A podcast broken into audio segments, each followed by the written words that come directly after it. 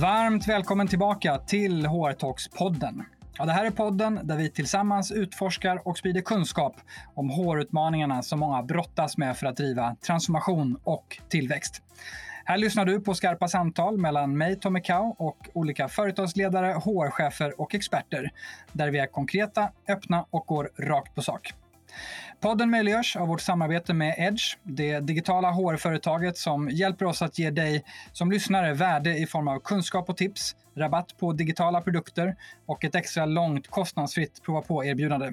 Så kika gärna mer och registrera dig enkelt på edgehr.se hrtalks. Idag spelar vi in det här avsnittet virtuellt från hemmakontoren med allt vad det innebär i form av lite ändrad ljudupplevelse. Men det kommer bli alldeles toppen likväl. Och I dagens avsnitt pratar vi om konsten att driva beteendeförändringar på ett effektivt sätt. Är det något som är en het fråga när vi driver förändring vare sig det är internt eller externt, så är det hur vi kan påverka människor och framkalla de beteenden som vi vill ha för att skapa mer av de resultat vi önskar. Vi kommer att gå igenom begreppen, hur hjärnan fungerar, lite vanliga tankefällor och framför allt kommer vi dissekera metoden nudging som verktyg för oss ledare och HR-personer att förändra beteenden i våra organisationer.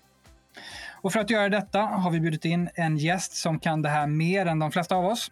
Hon är beteendestrateg och proffs på att förstå och förändra människors beteenden. Hon är medgrundare till Beteendelabbet som med psykologi, design och experimentella metoder gör världen till en bättre plats.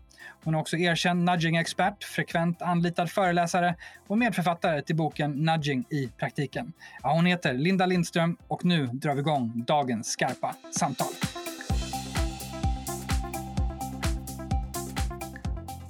Hjärtligt välkommen till HR Talks-podden, Linda Lindström. Tack så mycket. Hur känns det att som beteendestrateg vara med i en podd om HR-utmaningar? Ja du, det var ju en väldigt fin intro. Men det känns kul att vara här. Vi ska ju prata om beteenden och nudging som sagt. Det finns säkert en del lyssnare där ute som har eh, koll på, på nudging. Vi ska försöka fördjupa det lite grann och sen ge en orientering såklart i, i beteendeförändring, det här viktiga verktyget. Och som du vet går vi i den här podden rakt på sak. Men för de som inte har eh, djupdykt i nudging som verktyg och, och metod. Va, vad är nudging om vi ger hissversionen? Ja, nej men nudging egentligen är ju i sig någonting som kommer från eh, fältet beteendeekonomi, som man brukar kalla det för tillämpad beteendeekonomi. Och beteendeekonomi i sig handlar om, som vi var inne på där tidigare med tankefällorna, när vi inte alltid agerar så rationellt eh, och avviker från en så traditionell ekonomisk modell om där vi ganska, man antar att människan är en ganska rationell varelse. Så att tillämpa insikter från när vi inte alltid är så rationella eh, och eh, arrangera olika typer av valarkitekturer som man säger på nudging-språk. Och valarkitektur, ja, beskriv det. Vad, precis. Vad det? Nej, men så det, en valarkitektur kan vara allt ifrån eh, ett datasystem eh, och hur du fattar beslut i det till hur en eh, matbutik ser ut. Eh, så det är egentligen miljön där du fattar ett beslut. Så det det nudging handlar om är att eh, arrangera den här valsituationen så att det blir, eller vad ska man säga, eh, valarkitekturen är ju mer nudging-språk, men om man ska förenkla det ordet så kanske valsituation är det lite lättare för en mottagare att förändra den så att det egentligen blir ett önskvärt beteende. Så om man ska ge ett, ett eh, enkelt exempel. Till exempel att om det är så att du vill få folk att eh, jag kan ta ett exempel som vi gjorde för något år sedan på en stor konferens eh, där vi ville få eh, deltagarna på konferensen att välja vegetariskt ur eh, ett hållbart perspektiv istället för kött. Då, det vi gjorde då var att vid eh, själva anmälningen till eh, konferensen så, så gjorde vi att det var förvalt att man eh, fick vegetariskt. Du behövde alltså inte ta ett extra beslut för att eh, välja vegetariskt. I vanliga fall så brukar du behöva ta ett aktivt val för att eh, till exempel välja vegetariskt. Nu gjorde vi det tvärtom, att här behöver ta ett aktivt val för att välja kött. Det som är väldigt centralt i nudging är att det ska, handlar inte om några förbud och det handlar inte om att ta bort något val, utan det handlar helt enkelt om att man ska, eh, ja, man ska göra det lätt att göra rätt helt enkelt. Och det här skulle man kunna ta i, i listan är ju lång på exempel, liknande exempel, Exakt. även i ledarskap och i organisationskontexten Ja. på grejer där man vill göra det lätt. Ja, precis. Så, så att förändra själva standardvalet eh, är ett väldigt kraftfullt verktyg. Så att eh, eh, i det här fallet så gick vi från året innan så när det var kött som förval, då var det bara 20 procent som aktivt valde vegetariskt och det här året när vi bytte så var det 90 procent av deltagarna som valde vegetariskt. Så att det kan vara kraftfullt. Och i det här läget så är det ju vad man utgår ifrån att förändra standardvalet är att vi människor helt enkelt, eh, eh, vi, vi gillar inte att ta extra beslut. Eh, vi gör hellre, i många gånger så, så uppskattar vi när folk gör dem åt oss. Vad finns det mer för, för eh, nu gav vi några exempel Mm. där, men jag tänker, finns det några, kan man kalla det för klassiska resultat eh, som man gärna vill uppnå eller kan, bör uppnå eh, genom just nudging? För jag tänker att nudging kanske inte funkar på allt heller. Nej, nej men precis. Nej, eh, och eh, det beror ju lite grann på som sagt vad man jobbar med för verktyg. Men som sagt att, att vi pratat om det här lite grann med engångsbeteenden och vanor. Som att eh, förändra standardvalet på konferensen till exempel. Det är ju eh, ett ganska enkelt och billigt sätt och kräver kanske inte en hel lång process för. Men när det kommer till lite mera långsiktiga beteenden så kan det krävas eh, ibland mer än, än att bara inom situationstecken ändra standardvalet i någonting. Så det kan kräva flera insatser och att jobba kontinuerligt med det och eh, eh förstärka på annars, andra sätt. Nej, men jag tänker också att vi sa ju tidigare att vi med fördel kan premiera mer kortsiktiga Mm. eh, beteenden. Och det är klart, om man tittar på, på det lite mer kortsiktigt så passar ju nudging potentiellt till ganska mycket. Mm. Alltså eh, kortsiktiga engångsbeteenden som i sin tur Mm. leder till eh, ett långsiktigt resultat. Och eh, där, där finns det ju ganska mycket, allt från tänker jag hälsa, som du säger säkerhet, arbetssätt är ju också någonting som är extremt eh, hett just nu, Mm. där också många jobbar hemma. Ja, eh, ja. Och vi behöver beteenden ehm, som, ja, vi behöver förhålla oss till ett, ett nytt arbetsliv i Mm. praktiken. Va, vad kan nudging hjälpa oss eh, där? Eh, Vad har du för tankar kring det? Nej, men det, det finns ju, jag menar, nu är det ju vi i en, i en fas, precis som du säger, där vi verkligen behöver förhålla oss till Folkhälsomyndighetens rekommendationer som att hålla avstånd och tvätta händerna och, och att eh, fortsätta bibehålla de här rekommendationerna trots att det liksom har blivit någon form av nytt normalt där vi kanske ibland också släpper lite grann på de här de här riktlinjerna eh, i vår egen vardag. Mm. Så där behöver vi ständigt påminna oss och eh, kan ju jobba med olika sätt att göra det. Nu är vi är ju inte så många kontor där ute som har så många medarbetare längre på kontoret. Men det finns ju olika sätt man faktiskt kan eh, via nudging på enklare sätt eh, få folk att tvätta händerna under en längre tid. Till exempel är det väldigt många som har svårt att uppskatta hur, hur långt 30 sekunder som du borde tvätta händerna i faktiskt är. Det, kanske man, det kan man jobba med olika typer av knep. Eller hur långt faktiskt två meter avstånd är är också ibland svårt. Det behöver man också ibland påminna folk om. Vi har tagit fram ett, eh, ett eh, gratis eh, nudging kit som man kan ladda ner från vår hemsida eh, där vi har gjort dekaler som kommunicerar just det här och försökt att med hjälp av just emojis också påverka vår, vår autopilot som svarar lite snabbare på ansiktsuttryck snarare än text. Att eh, Mm påverka folk genom att eh, eh, sätta upp de här dekalerna som man kan göra på sitt kontor eller i eh, vilken miljö man nu befinner sig i.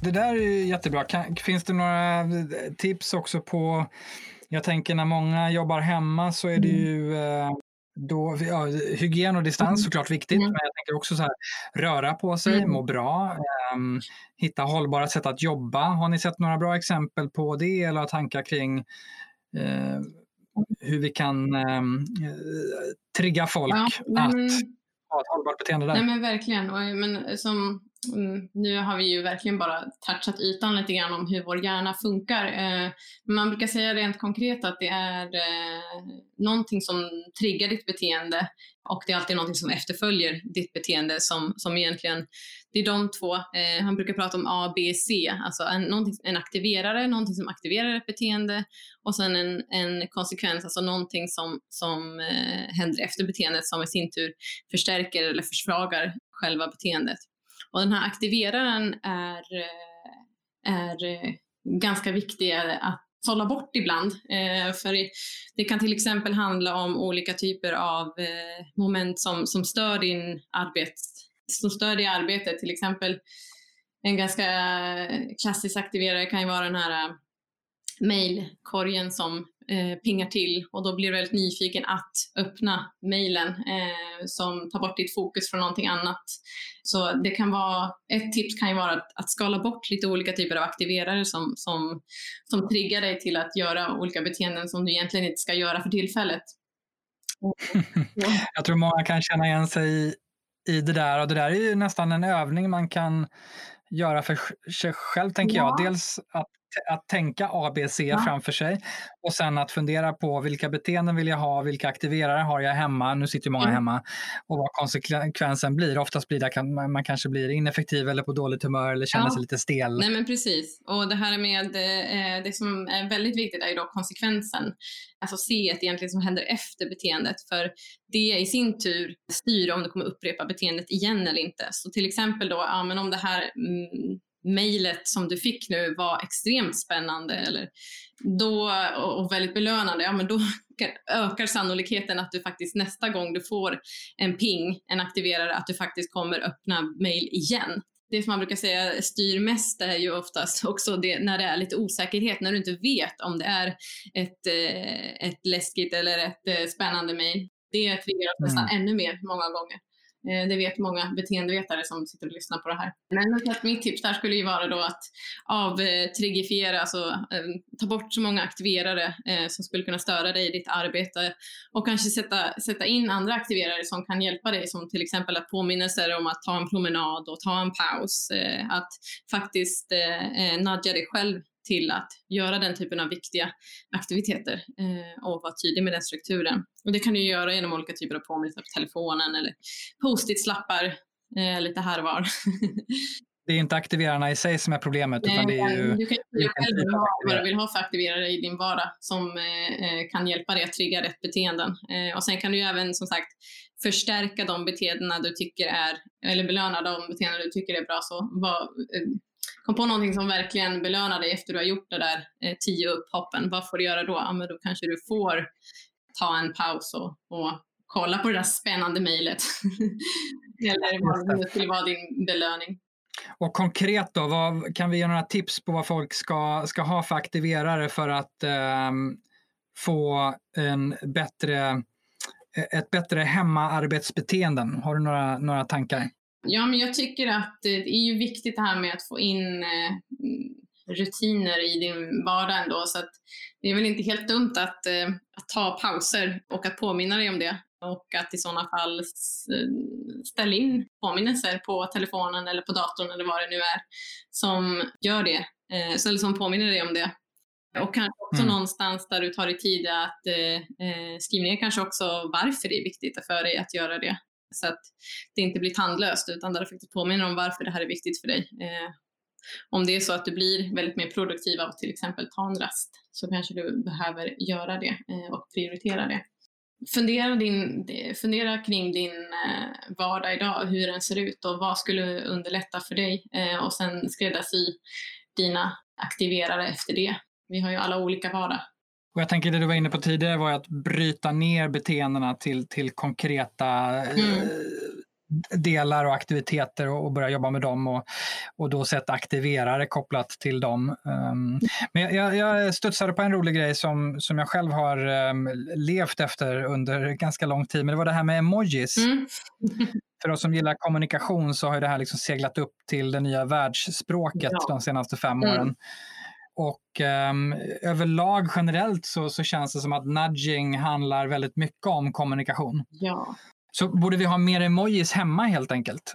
nu under hemarbetet? Är det det som är, är, det det som är receptet? Ja, men det är väl eh, där återigen så här, att förstå användarens behov lite grann situation. Men, men personligen så tycker jag det är väldigt härligt med emojis och att eh, vi Eh, man vet med forskning att vi är eh, ganska snabba på att uppfatta emojis och att det kopplar på våran, det kopplar på känslor mycket tydligare än till exempel i skrift. Att förstärka med emojis i ett meddelande eller att ehm, ja, på olika sätt kommunicera med emojis, att det faktiskt det triggar oss mer till att eh, det aktiverar oss mer oftast. Man har sett många, en del studier på att till exempel om du har en emojis i ämnesraden så tenderar folk att, eller en kaffekopp till exempel på ämnesraden så tenderar folk att öppna brevet eh, i, hög, i större utsträckning. Men som sagt, det, det kanske inte är för alla, men för somliga. Mm, ja, men det är bra. Konkreta tips. Ja. Uh, apropå konkreta så vet jag att um, i er bok så, så listar ni tio stycken verktyg mm. för effektiv nudging. Ja. Och man får såklart fördjupa sig mer i, i boken, den, den borde man såklart köpa. Men eh, ska vi ge en, liksom en snabb eh, genomgång av vilka är de här verktygen?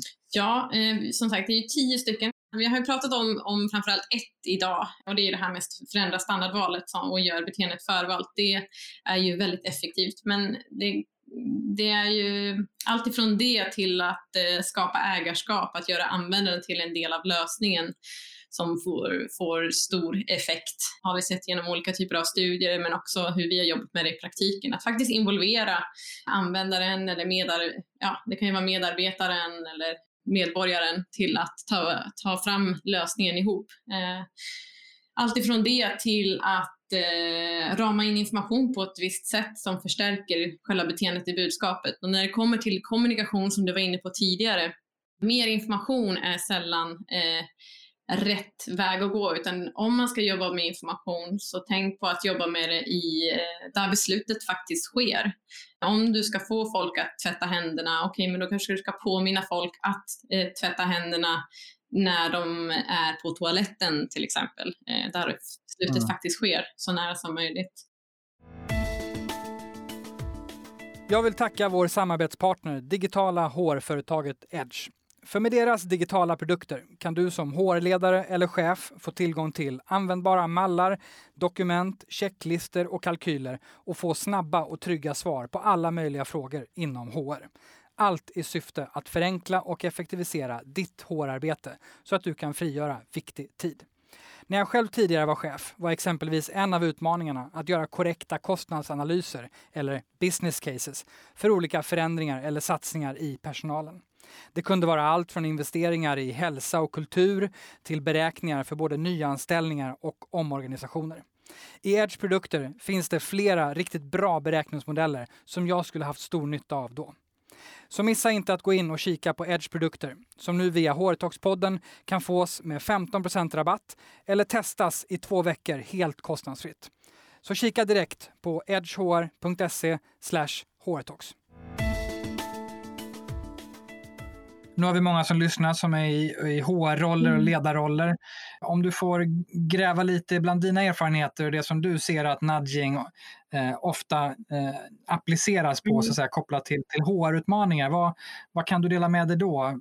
Vad finns det för områden och bra erfarenheter som, som vi kan eh, skicka med? Ja, men där det finns mycket studier så är det ju kopplat till just rekrytering är ju en ganska het potatis när det kommer till nudging och där finns det en rad olika eh, studier på där man eh, har mm, lyckats med att påverka. Eh, och då handlar det ju bland annat om den här att minska stereotypfällan som vi pratade om lite tidigare.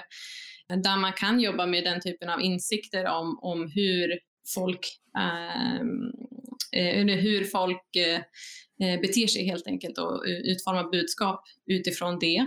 Någonting som man skulle kunna göra är att skapa hinder och göra det sämre valet så att säga svårare. Eh, det är ett nudgeverktyg eh, som utifrån boken till exempel. Och där kan det handla om till exempel att olika typer av, av ansökningar som man kan anonymisera. Eh, på så vis kan det ju verkligen minimera stereotypfällan. Där, eh, det är säkert inte helt okänt för lyssnarna till den här podden, men, men blinda eh, auditions eh, är ju någonting som har pratats ganska mycket om, där eh, framförallt en eh, orkesterstudie har blivit väldigt uppmärksammad där man kunde se att eh, det var väldigt många män som rekryterades till, till orkestrar. Men där man genom att eh, få folk att provspela bakom ett skynke så att de som, som eh, ja, men juryn eh, inte såg om det var en man eller kvinna som, som spelade. Där såg man att man eh, markant fick in fler kvinnor till, Mm, till orkestrarna eh, genom det här experimentet. En annan sak som man skulle kunna göra just kopplat till, till eh, rekrytering är att ja, men om man har en nu är jag så här, jag kanske är lite gammalmodig i mitt tänk för jag det är inte den som sitter med, med rekrytering men jag ser framför mig att man har en hög med ansökningar framför sig. men eh, de här borde sorteras slumpmässigt för att vi har en tendens att, att eh, intressera oss för saker som dyker upp först eller sist i en lista. Jag vet inte om det har talas om det, men det finns något som heter mm. peak end rule till exempel. Så att eh, de här eh, som hamnar i mitten, eh, de blir man inte li riktigt lika intresserad av eller genomgår, gör inte lika noggrann genomgående av eh, de här ansökningarna. Så det kan vara någonting. Eh, så att eh, sortera dem slumpmässigt eh, och sen också fördela ansökningar bland flera chefer för att göra eh, dem mer synliga. Det är belägg för att man har en tendens att prioritera sökande som till exempel eh, liknar en själv några heta områden just nu, ehm, förutom rekrytering mm. såklart, som du är inne på, så ehm, etik och eh, moral och beteenden kopplat till det. Vi har ju sett en, ehm, alltså det, skandaler och kriser och allting som grundar sig i, i oetiska och omoraliska beteenden. Eh, vi pratar också mycket hållbarhet mm. just nu mm. och Många spår ju att i spåren av coronapandemin så kommer hållbarhetsfokuset att öka. Mm, mm vad, du nämnde någonting kring återvinning tidigare, men vad kan vi ta med oss kring, kring de här områdena? Ja, du pratar om etik och moral. Alltså, någonting som dyker upp hos mig är lite grann det här, eh, hur ska vi hålla lite koll på, eller så här, att folk faktiskt eh, utför sina arbetsuppgifter när man jobbar hemifrån, när man inte har en chef som kan kolla en över axeln. Det, det, den är lite sådär eh, på gott och ont. Men det, som fin, det finns en studie där man har eh, sett att timanställda eh, rapporterade in arbetstid på ett mer korrekt sätt om de fick skriva under, alltså en typ av kontrakt, eh, om man fick skriva under rapporten innan den fylldes i jämfört med de som undertecknade den efteråt. Mm -hmm. Någon form av... Man signerade och godkände så att säga. Ja, um... Så det är en ganska så här, det är ju ett sätt på hur man skulle kunna liksom få folk att göra mer rätt för sig, att inte skarva med sanningen till exempel. Även om jag kanske inte är förespråkare av att eh, ha en, någon som, som kollar den över axeln eh, när man arbetar så kan ju det vara ett sätt för folk eh, eller för organisationer att eh, göra det lite lättare att tala sanning. Sista budskap till, till lyssnarna på temat beteendeförändring och, och, och nudging. Vad, vad blir det? Vad, vad vill du skicka med? Ja, men det kanske kan eh, låta lite eh, enkelt, men eh, lätt att göra rätt. Eh, ett sådär klassiskt uttryck som oftast förknippas med nudging, men det är sant. Det ska vara enkelt. Vi har en tendens att, att eh, göra de beteendena som är enkla. Vi har en tendens att vara lite lata ibland, så att det ska vara lätt att göra rätt. Det är väl en sån rygg, eh, ryggradsmantra eh, man ska ha. Då återstår det bara för mig att säga stort tack Linda Lindström för att du ville vara med oss i Hårtalkspodden. Det har varit eh, ett nöje och det har varit eh, otroligt givande och, praktiskt och jag, tror att ehm, nu vill åtminstone jag eh, sätta igång och nudga för fullt. Så tack så mycket. Stort tack för att jag fick vara med. Ja, det var ännu ett skarpt samtal i HR-talks-podden. Stort tack till dig som lyssnat och gillar du podden får du hemskt gärna prenumerera på den och betygsätta den i Apple Podcast eller Spotify. Och följa oss, det kan du göra på HR Talks-podden på Instagram och LinkedIn. Gör gärna det. Jag vill tacka vår samarbetspartner, digitala HR-företaget Edge, som är med och möjliggör att vi kan utforska och sprida kunskap via den här podden. Kolla gärna in deras rabatter och prova på erbjudande på digitala produkter direkt på edgehr.se hårtalks. Hårtalks-podden ges ut av Kao Company, produceras av Mediemera och du hittar all info på hårtalks.se. Ha det bra!